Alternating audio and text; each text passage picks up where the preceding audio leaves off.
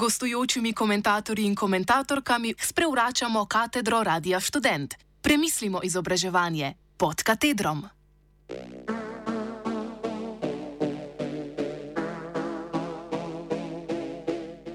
Inertno telo v prostem padu.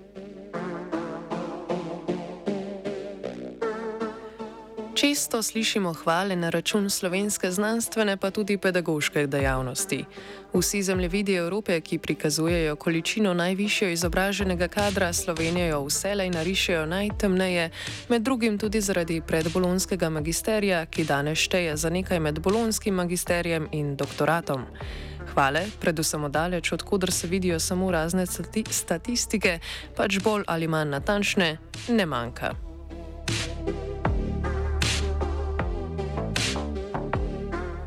Toda, in verjetno tega ne gre ponavljati preveč, že bežen pogled od blizu razkrije kopico težav. More biti je smiselno, da jih brž naštejemo, začenši od spodaj pri študentih.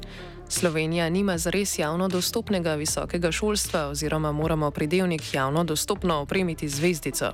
Slovenija vzdržuje tihi dogovor s trgom dela, ki tolerira davkoplačevalsko financiranje univerz v zameno za deregulirano prekarizacijo, ki se imenuje študentsko delo. Še več, dejanski stroški študijskega življenja, ki se na veliko univerzah štejejo kot del šolnine, študente prisilijo v delo pod kakršnimi koli pogoji, pač takšnimi, ki jih narekuje trg.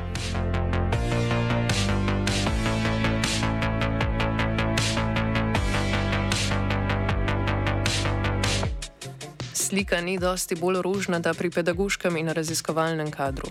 Položaj mladih raziskovalcev, asistentov, docentov in preostanka nižjega kadra je pregovorno klaveren. Plače precej nizke, dela ogromno, prihodnost negotova. Vsi so odvisni od najvišjih univerzitetnih krogov, ki razpolagajo s takšnim monopolom odločanja, da njihovi parcialni interesi praktično sovpadajo s tako imenovano univerzitetno avtonomijo. Ob tem je treba pripomniti, da tudi redni profesori, če ravno svetlobna leta pred ostalimi, niso ravno bogataši. Obstajajo le dobri razlogi, da razni doktori elektrotehnike, kot je recimo Robert Golop, raje odplavajo v poslovne vode.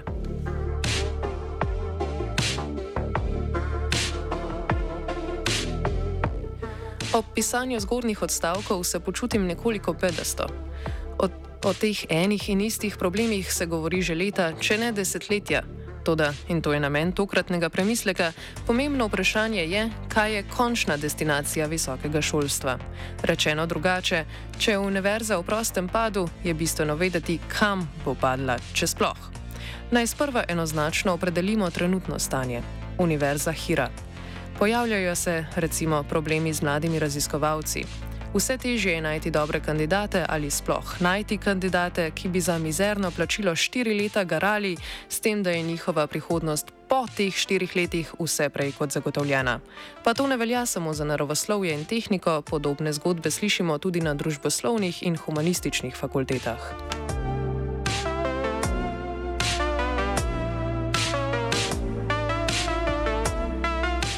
Kakšna je torej prihodnost visokega šolstva? Če univerzo pustimo in samo vzdržujemo trenutni status quo, se bo nadaljevala degradacija učnega in raziskovalnega dela.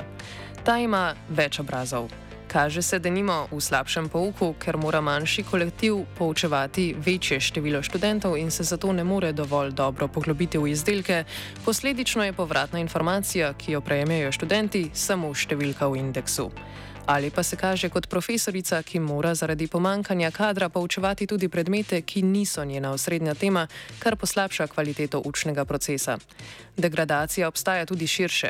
Raziskovalna dejavnost mora iskati dodatne vire, vire financiranja, ki jih najde na trgu ali pa v naključnih projektih.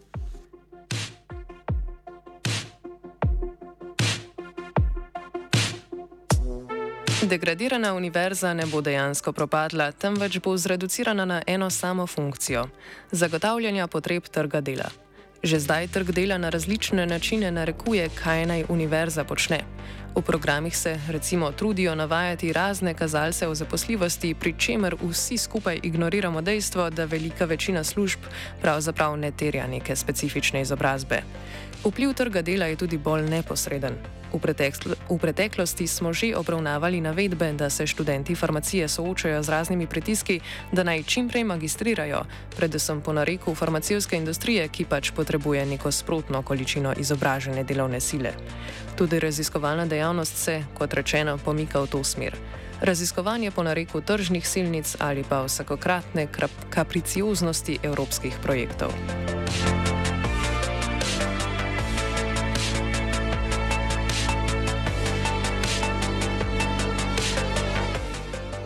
Storiti? Prvič, velik del problemov bi se rešil že samo s tem, da bi Slovenija povečala svoje izdatke za raziskovalno razvojno dejavnost, krajše RRD. Seveda to predpostavlja, da se denar ustrezno razporedi, pa vendar predpostavimo, da bo avtonomna univerza notranje smotrno urejena. Smo, kakor navaja statistični urad, pod evropskim povprečjem in ne dosegamo tako imenovanega barcelonskega cilja 3 odstotkov. Odkud bi ta denar prišel, je drugo vprašanje, vendar je verjetno smotrno omeniti, da več raziskovalne dejavnosti dviguje konkurenčnost domačega gospodarstva, zato dviga brškone ni tako težko upravičiti in financirati. Toda ob tem pridemo do drugega koraka.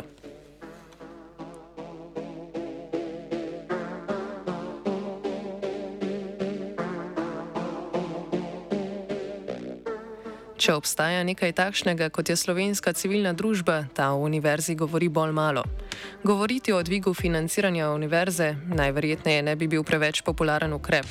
Slišati bi bilo precej nagodovanja o visokih davkih, pomenu dela, ustvarjanja in podobno.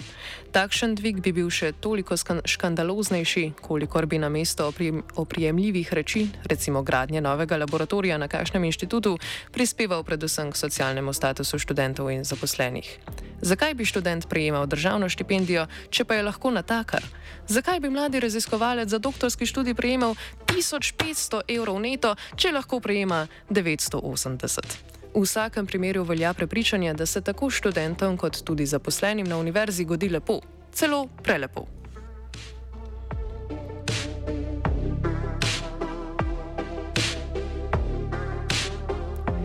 Kaj hitro lahko opazimo, da je prvi korak pogojen z drugim.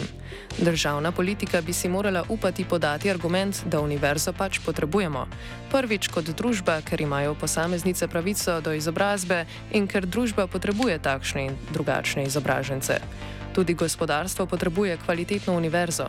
Kvalitetna pa je ravno univerza, ki raziskovalno in pedagoško delo vrednosti izključno po ključu kvalitete in nesprotnih tržnih kazalcev, ki so preveč kratkoročni in nestanovitni, da bi lahko producirali kvalitetne programe.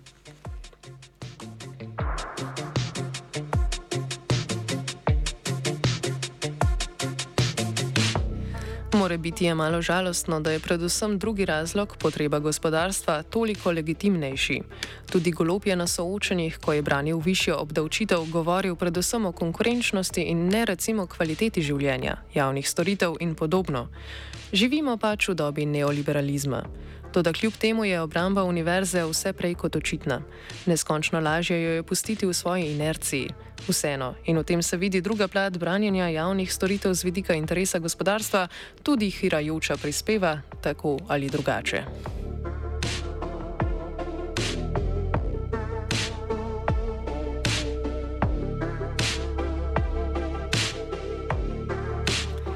Tako torej pridemo do vprašanja, kaj bo z univerzo storila nova vlada. Novi ministr za izobraževanje, šolstvo in šport Igor Papič, bivši rektor Univerze v Ljubljani, probleme univerze vsekakor pozna. Toda vprašanje je, kako bo na njih odgovarjal, pa tudi čigave interese bo zastopal. Na vse zadnje se namreč zdi, da bo univerza še naprej zadnja v vrsti. Breme slabših pogojev dela bodo prenašali v prvi vrsti študenti, asistenti in drugi nižji kadri. Glede na to, da je sodobno upravljanje z državo bolj kot ne krizni menedžment, bo morala univerza pasti v resno, predvsem pa akutno krizo, preden ji bo državna politika namenila večjo pozornost. Pa tudi v tem primeru ni povsem zagotovljeno, da bo krizo res preživela. Do takrat pa ostaja kronični bolnik in umira počasi ter na obroke.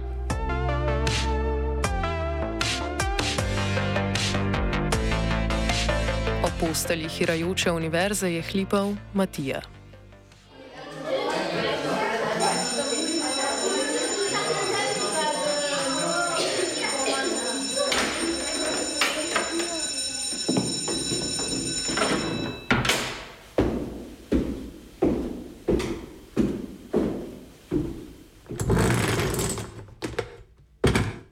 Gostujočimi komentatorji in komentatorkami sprevračamo katedro Radia Student. Premislimo izobraževanje pod katedrom.